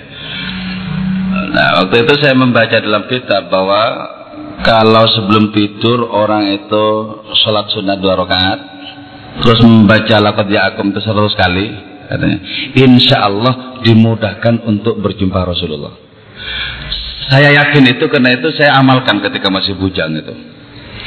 Nah, peristiwanya gini. Dalam mimpi itu ya, saya melihat Rasulullah itu agak jauh, mungkin sekitar seratusan meter ya. Tapi jelas saya melihat senyumnya itu jelas. Rasulullah itu berjalan, saya sebenarnya takut. Takut sampai kehilangan momen itu. Kalau tidak terjadi komunikasi, kalau cuma melihat. Ya. Nah, saya melakukan hal yang lancang kemudian. Saya tidak begitu sopan. Saya panggil Muhammad, Muhammad dari saking hati itu kita kehilangan. Mestinya kan nggak pantas katanya ya, eh, bilang begitu nggak pantas. Cuman karena dari saking takutnya kehilangan momen itu, sampai akhirnya lancang. Muhammad, Muhammad. Ternyata beliau itu menoleh dan tersenyum. Sampai hari ini senyuman itu masih saja sangat sejuk dalam batin saya. Itu puluhan tahun yang lalu ya ketika saya masih bujang dan hal yang aneh juga terjadi waktu itu di antara saya dengan Rasulullah saya menyaksikan dosa-dosa saya hitam ternyata dosa itu ya maklum karena itu bujang yang pasti banyak dosanya jadi eh, harap dimaklumi wong bujang kok jadi ternyata dosa itu warnanya hitam jadi, jadi pembatas tuh loh hitam yang kedua, waktu saya sudah punya anak satu tahun 2004. 2004. Saya nginep di rumah mertua saya di Cilacap menemani anak tidur ya anak tidur nah Rasulullah itu jadi guru ngajarin saya kalau ceramah itu yang ikhlas jadi makanya sampai sekarang saya takut untuk mengharap apa pun itu mengharap apa pun dari panitia misalnya apa Enggak pernah saya harap. Sebab Rasulullah ngajarkannya yang ikhlas ya. Yang ikhlas. Jadi beliau itu ngasih contoh sendiri. Jadi guru itu di depan tuh ngok bersabda tuh. Ya itu. Sebenarnya ini nggak ada apa-apanya dibandingkan dengan karomahnya Imam Malik. Imam Malik itu tiap hari mimpi Nabi. Tiap hari mimpi Nabi Imam Malik. Jadi sebenarnya kangen sih kangen, tapi kerinduan ini tidak memiliki sayap untuk dikepakkan sampai di sana. Kita cuma menunggu apa? Menunggu syafaatnya ya. Kita bersungguh-sungguh dan menunggu syafaatnya agar sesekali saja dijenguk dalam kehidupan ini. Sekali Nabi melirik kita, kita bisa dibebaskan dari huru hara kehidupan ini, dari belenggu-belenggu dunia ini. Kalau Nabi. Ada yang lain lagi? Iya. Nah. Kami budaya. Iya. Kalau bilang ganti atau bilang sesuatu, ya kan itu lebih Kalau apa? Biar saya nanti mau kita. Itu setan itu lebih nggak saya ngomong supaya yang dikatakan dari itu setan terus yang kedua itu tentang uh, misalnya saya sendiri misalnya uh, ngasih kosong tapi ada keinginan untuk mengajarkan sesuatu pada orang bahwa itu kalau misalnya keinginannya itu untuk berilmu katanya kalau punya ilmu diamalkan karena ada kata itu kayak misalnya saya kosong kemudian langsung berpikir itu apakah baik itu atau saya menunggu saya berisi dulu baru hmm. dan ketiga ikhlas. Misalnya ketika saya mengajar kok harapan saya itu karena saya kan bisa jadi mengerti itu termasuk kami hmm. Yang pertama, setan tahu nggak ya kata-kata dalam hati kita? Tidak tahu, tapi kalau nafsumu bisa tahu. Kalau setannya kan nggak tahu, tapi setan itu juga bisa membaca gejala-gejalanya orang mau sholat, tahu. Iya. Jadi ya nggak usah setan lah, psikoanalisa juga bisa tahu itu. Abraham Maslow, David Hume ngerti, mau sholat tahu kan kelihatan. nah, setan lebih cerdik dari itu. Lebih cerdik dari itu karena itu tahu gelegatnya itu tahu. Karena itu kemudian dilakukan adanya penghambatan-penghambatan penghambatan-penghambatan. Misalnya orang ini tidur punya rencana sholat tahajud apa enggak? Tahu itu. Tahu. Ya dari itu dari kelikat luarnya saja lah. Kan kelihatan. Atau orang bangun itu ini punya niatan untuk sholat atau enggak tahu. Lain dari gerak-geriknya. Lain juga dari kebiasaan-kebiasaannya. Kalau hati enggak ada Allah Taala yang tahu itu. Kalau hati Cuman setan itu kan pintar dan yang pertama yang kedua setan itu nggak pernah tidur loh. Jadi dalam hal ini dia menyamai malaikat. Wal malakul ladzi bila abin wa um la aklala syurba wa la nauma lahum. Jadi sama dalam malaikat dengan malaikat dan dalam hal apa?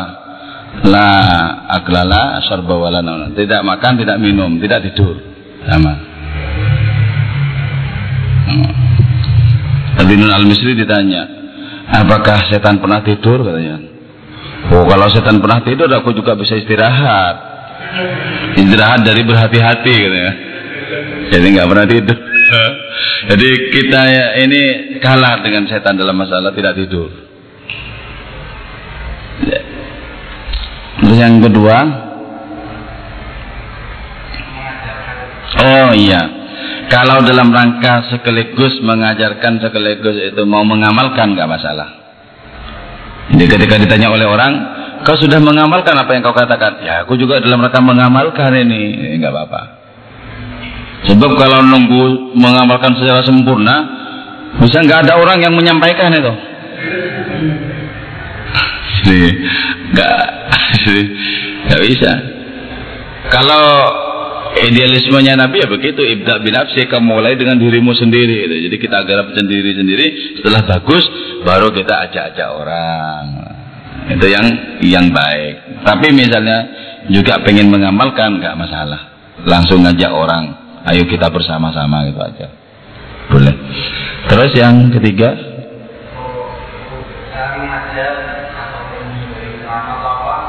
Harapannya itu supaya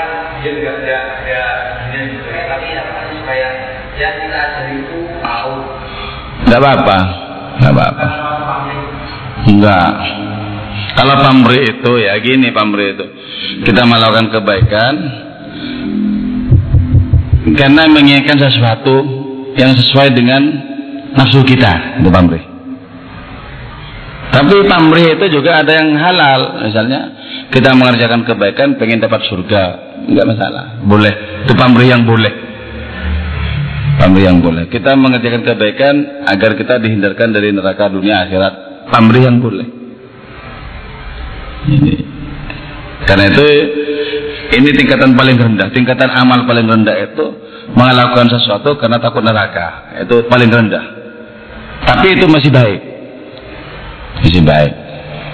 Masih baik. Karena ini paling rendah, jangan minta diskonan lagi ya. Jadi ini sudah paling rendah di bawahnya itu langsung neraka. Enggak ya. Jadi karena itu misalnya orang tekun salat malam ada sesuatu yang diinginkan tapi yang diinginkan itu baik, ya nggak apa-apa, pamrih juga tapi nggak apa-apa. Ya Allah kalau itu bukan jodohku tolong jadikan jodohku.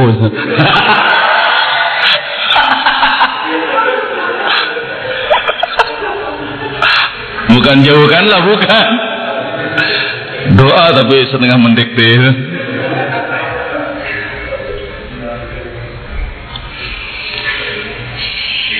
Pamri yang halal, pamri yang boleh. Ada lagi? Ya.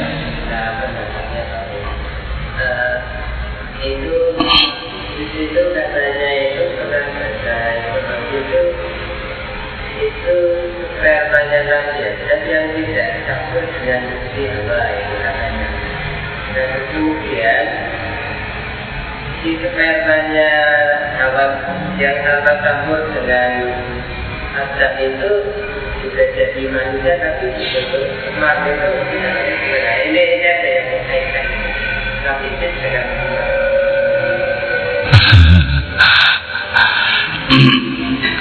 itu ya generasi awal Sis itu sendiri artinya hibatullah karunia Allah. Di situ nanti ada dua macam karunia. Ini jelaskan dalam kitab Fusul Hikamnya Ibn Arabi ya. Hibatullah. Memang ini maksudnya hibatullah itu adalah karunia Allah Ta'ala untuk Nabi Adam karena Nabi Yesus itu memang mirip dengan Nabi Adam mirip dengan Nabi Adam tapi penjelasan tentang perkara sperma-sperma itu itu saya tidak pernah menemukan ya. Tidak pernah menemukan. Padahal mestinya kitab kalau itu kitab yang menerangkan mestinya yang detail itu ya kitabnya Ibn Arabi. Tapi di situ juga tidak dijelaskan.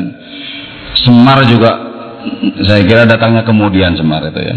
Sudah coba itu kan dari dari apa? Dari Mahabharata dari apa Semar itu? Hah? Iya itu itu coba abadnya abad berapa ya? Abad apa? Kalau Nabi Sis itu kan wow awal-awal banget awal-awal banget. Jadi jadi karena Semar itu masuk dalam kategori tradisi dalam masyarakat dongeng gitu ya. Maka sesuatu yang sesungguhnya muda dibikin sangat tua itu. Sebab bukan masyarakat tulis, masyarakat tulis. Jadi tradisi Jawa, kebudayaan Jawa itu, itu karena bukan merupakan bagian dari tradisi tulis, itu kesannya sangat tua. Padahal ya, baru kayak kemarin-kemarin tuh, baru kemarin-kemarin. Coba kita ngomong ngomong Warsito kan sepertinya lama banget. Ya. Itu jauh sebelumnya sudah ada Imam Ghazali. Cuman, cuman karena tradisi dongeng itu semua serba dikaburkan. Bahkan dalam babat tanah Jawi disebutkan bahwa Nabi Adam itu lahir di Jawa. Terserah ambil kamu terserah. ada lahirnya di Jawa, monggo terserah, nggak tahu hubungannya dengan keimanan kok. Babat tanah Jawi, Nabi Adam lahirnya di Jawa, entah Jawa bagian mana kan. Nah itu kan sesungguhnya babat tanah Jawi itu kan bukan model karya ilmiah jadi ya dongeng ya kan? Dongeng. Majapahit. Baru kemarin. Baru kemarin. Majapahit dengan Imam Ghazali masih lebih dulu Imam Ghazali. Baru kemarin. Apalagi Imam Syafi'i generasi-generasi awal. Terus misalnya yang dari India ya. Abad keberapa abad kelima ya kalau Nabi Sis itu jauh itu. Jadi sudah tidak korelasi dalam dalam konteks historis itu sudah enggak korelatif itu loh. Tapi kalau masyarakat dongeng itu apa saja bisa dimungkinkan di situ. Bisa dimungkinkan. Dong orang mencatat kelahirannya itu bukan tanggal berapa, bukan. Ketika ditanya, kau kapan lahirnya? Itu loh pas Gunung Merapi meletus. Jadi kapan tahunnya? Yang tahun 1010 apa kapan? Eh, yang dulu itu yang parah banget loh. Jadi nggak tahu. Ketika tanya kepada orang sebelahnya, kalau kamu kapan? Ya saya seminggu setelah itu terus itu. Jadi enggak. Jadi nggak tahu kapan. Gak ada tradisi pencatatan itu. Jadi karena itu sangat tua kalau ini. Karena tua semuanya harus serba Jawa. Nanti ya ditarik-tarik semua itu Samsudin Tabrisi itu ya Jawa. Nabi Sulaiman ya Jawa. Terserah mau diapain monggo. terus kalau jadi Jawa terus jadi kenapa itu loh? terus hasilnya apa untungnya kira-kira kalau jadi Jawa kalau jadi mana jadi India ya, terserah. Kalau kira-kira membuat keimanan makin kuat bolehlah saya kira. Boleh. Jadi ya. Jadi itu kalau saya kalau sejarah-sejarah Semar itu saya nggak begitu paham ya. Awalnya itu kapan? Apa itu diambil dari mana? Dari Mahabharata apa dari apa? Kan pewayangan itu Semar-Semar. Pewayangan itu munculnya kapan dalam sejarah kewayangan? Ya? Sebelum kali Jogom ada pewayangan mungkin lain dan semacamnya. Terus awalnya pewayangan itu kapan? Apa kira-kira ada? Ya ini kan cuma berbekal kira-kira. Di zamannya Nabi Adam sudah wayangan apa belum? Kalau orang tradisi Jawa kental, saya yakin sudah ada itu. Sudah ada. Ini bukti-buktinya.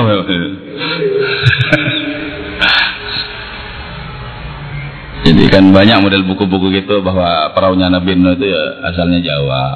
Kenapa pohon jati tidak ada di tempat lain katanya kan?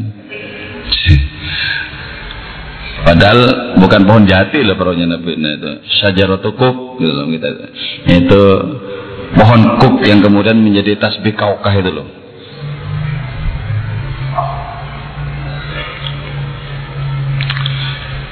Terus ada yang menghubung-hubungkan dengan sebuah puisi sahih samir wala tazar zakiral maut.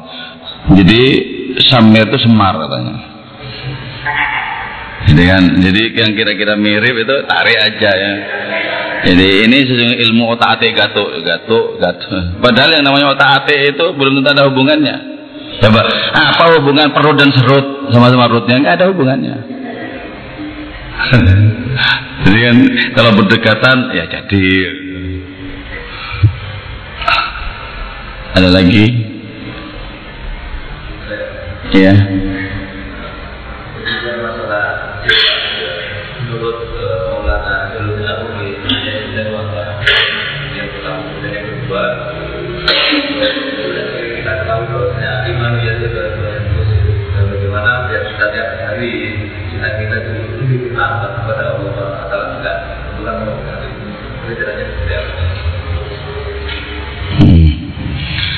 Kalau Maulana Rumi itu cinta menjadi perspektif karena beliau mengalami ya. Beliau berbicara tentang berbagai macam tema sebenarnya, tapi perspektifnya itu cinta semua. Bagaimana cinta semua. Nah, cinta itu apa sebenarnya? Rumi sendiri bilang begini, saya banyak berbicara tentang cinta, ya. tapi ketika saya bertemu dengan cinta itu sendiri, Rasa-rasanya malu saya berbicara tentang cinta. Seratus kehidupan diberikan kepada saya untuk berbicara tentang cinta. Seratus kehidupan itu lenyap dan cinta belum selesai saya jelaskan. Jadi, jadi kalau definisi singkatnya mungkin bisa, tapi kalau untuk sepenuh-penuhnya gak akan bisa. Kenapa? Cinta itu adalah sifat Allah Taala dan sifat Allah Taala tidak ada batasnya sebagaimana Allah Taala itu sendiri. Kita cuma dipinjami sejenak sebentar agar kita bertudungkan cinta ilahiyat. Cinta itu apa? Yaitu ketika seorang pecinta lenyap dan menjadi kekasih. Cinta itu apa? Ketika aku sepenuhnya adalah engkau. Terserah engkau mau jadi aku atau tidak. Jadi gitu. Tapi kalau sudah ketika aku adalah engkau dan engkau harus aku, nafsu itu. Ketika sepenuhnya aku adalah engkau. Karena itu ya Allah, jadikanlah diri kami sepenuhnya apa pun kehendakmu. Itu baru cinta. Jadi cinta itu tidak berpikir tentang tentang untung rugi ya, tentang untung rugi. Tidak berbicara tentang seberapa pengorbanan kita, tidak berbicara. Kalau masih berbicara seperti itu pamrih namanya. Percuma aku katanya, sudah aku traktir kau sekian kali, tidak mau juga akhirnya. Wah bahaya. Ini cuman bikin aku bangkrut saja.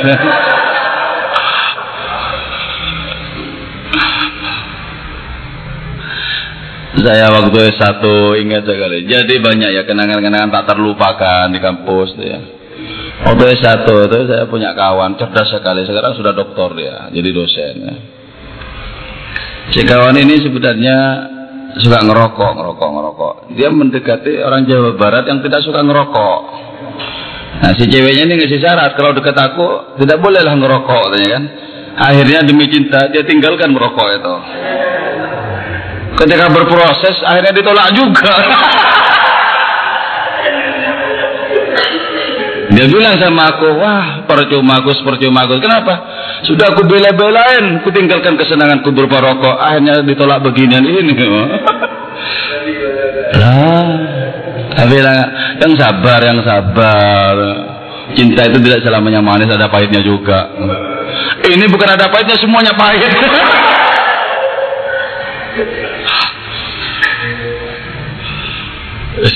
nah, itu masih pamrih, sebab rokoknya ditinggalkan karena mengharapkan sesuatu.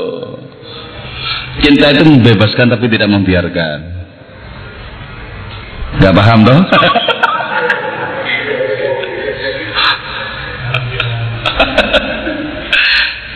sulit kalau masuk dalam kategori definisi cinta yang ideal sulit ketika aku sepenuhnya adalah engkau sulit kan berarti harus si pecinta mematikan diri di dalam kekasih si pecinta ini harus menelikung akalnya sekalipun ditelikung harus demi adanya kesesuaian dengan irama sang kekasih.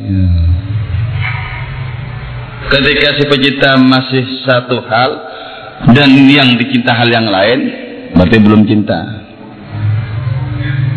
Meminta yang masih ada batas ini apalagi yang masih menyimpan benih-benih egoisme harus bersiap-siap untuk menelan kekecewaan. Jadi sebenarnya gampang teorinya. Biar tidak kecewa itu mencintai gampang ketika tidak mau tidak harus memiliki kok katanya tidak harus memiliki ketahuilah gambarmu yang sempurna ada dalam hatiku ya kan cara-cara untuk mengobati sakit hati gitu. Nah. Terus ada lagi enggak? Nah cukup. Ya.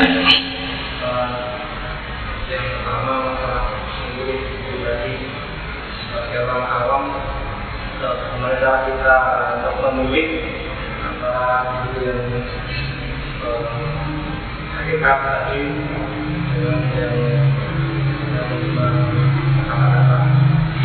karena kalau ini kan kan kita bisa dapatkan ilmu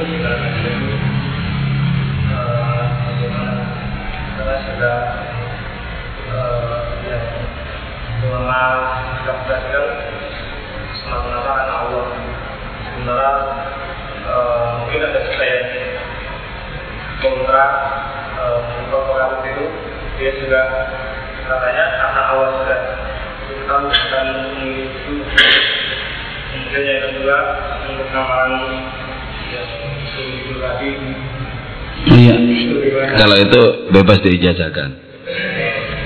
Kalau yang sebelum tidur itu membaca sholat sunat dua rakaat, sholatnya sholat hajat untuk bisa diperjumpakan dengan Rasulullah salat hajat yang setelah itu membaca Laqad ja'akum rasulun min anfusikum azizun 'alaihi ma anittum harisun 'alaikum bil mu'minina raufur rahim. Laqad ja'akum rasulun sampai 100 kali. Ya. Itu berada di akhir surat At-Taubah, satu ayat sebelum terakhir. Laqad ja'akum baca sampai Sebab ayat ini berbicara khusus tentang kemurahan Nabi tentang belas kasih Nabi ayat ini. Bahkan Syekh Abu Yazid Bustami itu mendapatkan salam langsung dari Nabi ketika tiga kali saja membaca ayat ini setelah sholat. Langsung dapat salam dari Nabi secara langsung. Ya, jadi sholat, senat, terus baca itu sekali diusahakan tidur dalam kondisi suci. Itu kalau dalam wujud bacaan. Kalau bentuk amalan bisa berjumpa Nabi dalam mimpi itu lakukan apa yang paling favorit dilakukan oleh Nabi yaitu mencintai orang-orang terlantar para fakir miskin itu dengan cinta orang-orang yang disenangi Nabi bisa lebih cepat untuk bisa bermimpi Rasulullah jadi kalau konteksnya itu yang amalan kalau yang bacaan seperti tadi Terus tentang masalah guru itu ya, ini kita menggunakan pendekatan hati, hati kita kita netralkan, kita netralkan. Terus kita mendapatkan pencerahan enggak? Kita mendapatkan kedamaian tidak? Nah, kalau itu kita dapatkan, ikuti itu, itu menjadi sarana untuk lebih mendekat kepada Allah Taala. Tapi kalau yang kita dapatkan adalah ilmu dan kecongkaan, jangan diteruskan. Ilmu dan kecongkaan. Misalnya habis belajar di sini, memang wawasannya bertambah, eh, ilmu pengetahuan bertambah. Tapi kok seperti menganggap enteng orang lain itu loh. Nah itu kan yang muncul kecongkaannya. Jangan. Jadi kalau kita belajar di situ tuh semakin membuat kita merasa tidak berdaya, belajar untuk rendah hati dan semacamnya itu benar. Ya benar. Itu ya, itu ya garis misalnya gitu. Atau kita ikuti orang itu bagaimana syariatnya, sopan santunnya seperti apa gitu. Pernah Syabid Bustami itu mendengar ada orang yang masyhur dengan kewaliannya. Beliau mau mendatangi orang itu mau tabarukan. Rupanya orang yang dicari itu berada di masjid. Berada di masjid, ditunggu-tunggu lama di masjid. Keluar dari masjid, tiba-tiba orang itu meludah ke arah kiblat. Terus nggak jadi, katanya kan. Dalam masalah tata kerama tidak bisa dipercaya, apalagi tentang Allah orang itu tinggalkan aja. Padahal cuma meludah ke arah kiblat. Artinya secara hukum itu tidak haram sebenarnya. Cuman kan tidak sopan. Tidak sopan. Malah kata kiblat. Bahulil Bangkalan itu ya. Bahulil Bangkalan. Yang karamahnya mutawatir. Yang sangat banyak ya dalam manakibnya itu disebutkan. Itu empat tahun berada di Mekah. Selama empat tahun itu tidak pernah pipis di tanah haram. Keluar sampai tujuh kilometer itu keluar. Jadi nggak pipis saja sebenarnya nggak haram secara fikih boleh lah. Nggak ada kamar mandinya juga itu. Hmm. Tapi karena begitu takzimnya kepada tanah haram, eh, keluar. Di Madinah juga begitu. Keluar dari tanah haram kalau mau buang air kecil keluar. Itu kan yang kemudian menghasilkan adanya sosok yang luar biasa begitu. Lebih hebat lagi yang sekarang sulit kita cari bandingannya. Pernah di Kamal Madura itu, ya Holil itu naik dokar, naik andong. Kudanya bagus. Kayak Holil tanya kepada kusennya itu, ini kuda kok bagus di mana? Dari Sumbawa katanya kusennya itu. Turun, turun. Lah kok turun pakai guru saya dari Sumbawa. Uh. Kan? Coba kalau kayak kayak nyaran sekarang kan nggak mungkin. Nggak mungkin terus aja cuma tanya-tanya kok.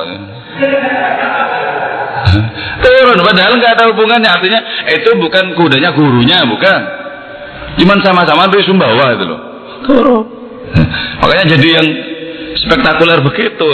Jadi tata keramanya oke, kesucian hatinya oke itu loh. Nah itu yang semakin hilang sekarang, makin hilang. Jadi yang ditampilkan itu apa? Ilmu pengetahuan dan arogansi. Gitu. Arogansi intelektual. Nah, makanya makin bising hidup ini kan.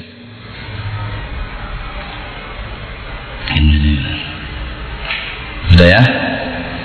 Terakhir jangan lupa mari kita mohon kepada Allah Ta'ala Karena kita tidak memiliki kekuatan untuk melangkah satu kaki pun Untuk mendekat kepada hadratnya kepada Rasulullah Tanpa adanya pertolongan Allah Subhanahu Wa Ta'ala الفاتحة. أعوذ بالله من الشيطان الرجيم. بسم الله الرحمن الرحيم. الحمد لله رب العالمين. الرحمن الرحيم. مالك يوم الدين. إياك نعبد وإياك نستعين. اهدنا الصراط المستقيم. صراط الذين أنعمت عليهم غير المغضوب عليهم ولا الضالين. آمين. يا أرحم الراحمين. يا أرحم الراحمين. يا أرحم الراحمين. فرج على المسلمين. يا أرحم يا أرحم الراحمين. يا أرحم الراحمين. فرج على يا ربنا يا كريم. يا ربنا يا رحيم. أنت الجواد الحليم وأنت نعم المعين. يا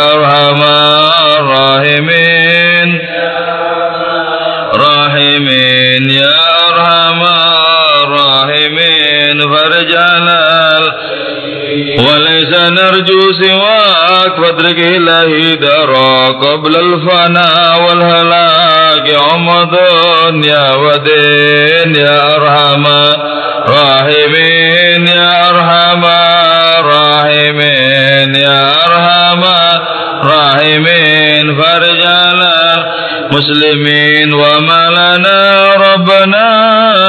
ربنا سوى حسبنا يا ذا العلا والغنى ويا قوي يا متين يا أرحم الراحمين يا أرحم الراحمين راحمين فرج على المسلمين نسألك وليقيم العدل كي نستقيم على هداك القويم ولا نضيع يا أرحم الراحمين يا أرحم الراحمين يا أرحم الراحمين.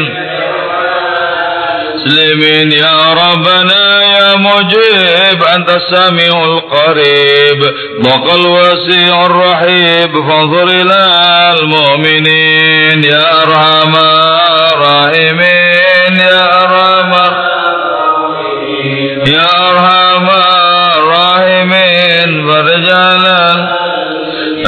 نظرة تزيل العناء عنا وتدني المنى منا وكل الهنا نطر بكل حين يا أرحم الراحمين يا أرحم الراحمين يا أرحم مسلم أسألك بجاه الجدود وليقيم الحدود فينا ويكفي الحسود ويدفع الظالمين. يا أرحم الراحمين يا أرحم الراحمين يا أرحم الراحمين. فرجالا المسلمين يزيل للمنكرات يقيم للصلوات يمر بالصالحات محب للصالحين يا أرحم الراحمين. يا أرحم الراحمين فرج على المسلمين. يزيح كل الحرام يقهر كل الطغام يعدل بين الأنام ويؤمن الخائفين يا أرحم الراحمين يا أرحم الراحمين يا أرحم الراحمين. مسلمين رب اسقنا وإذعامنا في مبارك دوام. يدوم في كل عام على ممار السنين. يا أرحم الراحمين.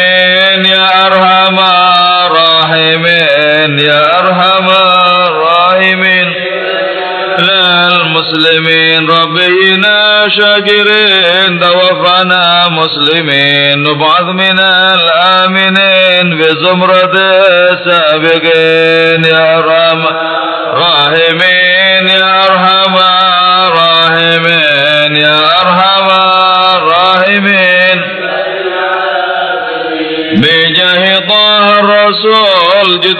ربنا بالقبول وهب لنا كل سؤل رب استجب لي آمين. يا أرحم راحمين يا أرحم راحمين يا أرحم راحمين فرج على المسلمين اعطاك ربي جزيل وكل فعل جميل. وفيك عملنا طويل فجد على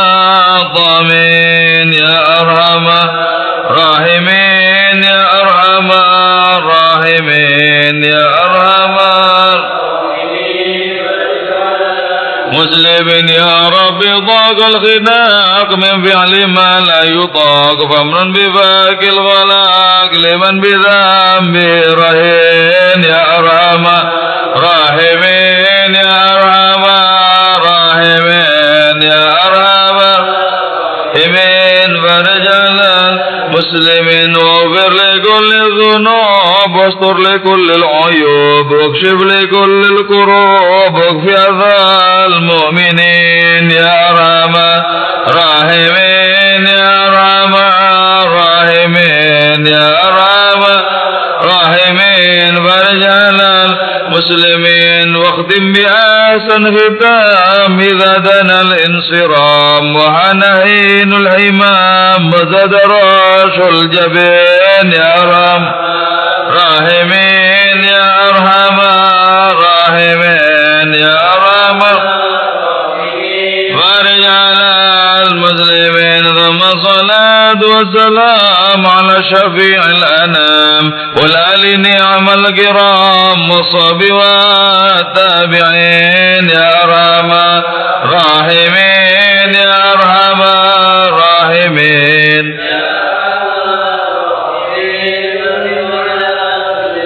سبحان ربك رب العزة عما يصفون وسلام على المرسلين والحمد لله رب العالمين. ربنا تقبل منا بأسرار الفاتحة. أعوذ بالله من الشيطان الرجيم. بسم الله الرحمن الرحيم. الحمد لله رب العالمين. الرحمن الرحيم. مالك يوم الدين. إياك نعبد وإياك نستعين. اهدنا الصراط المستقيم.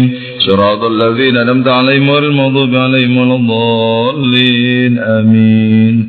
والعفو منكم. والسلام عليكم ورحمة الله وبركاته.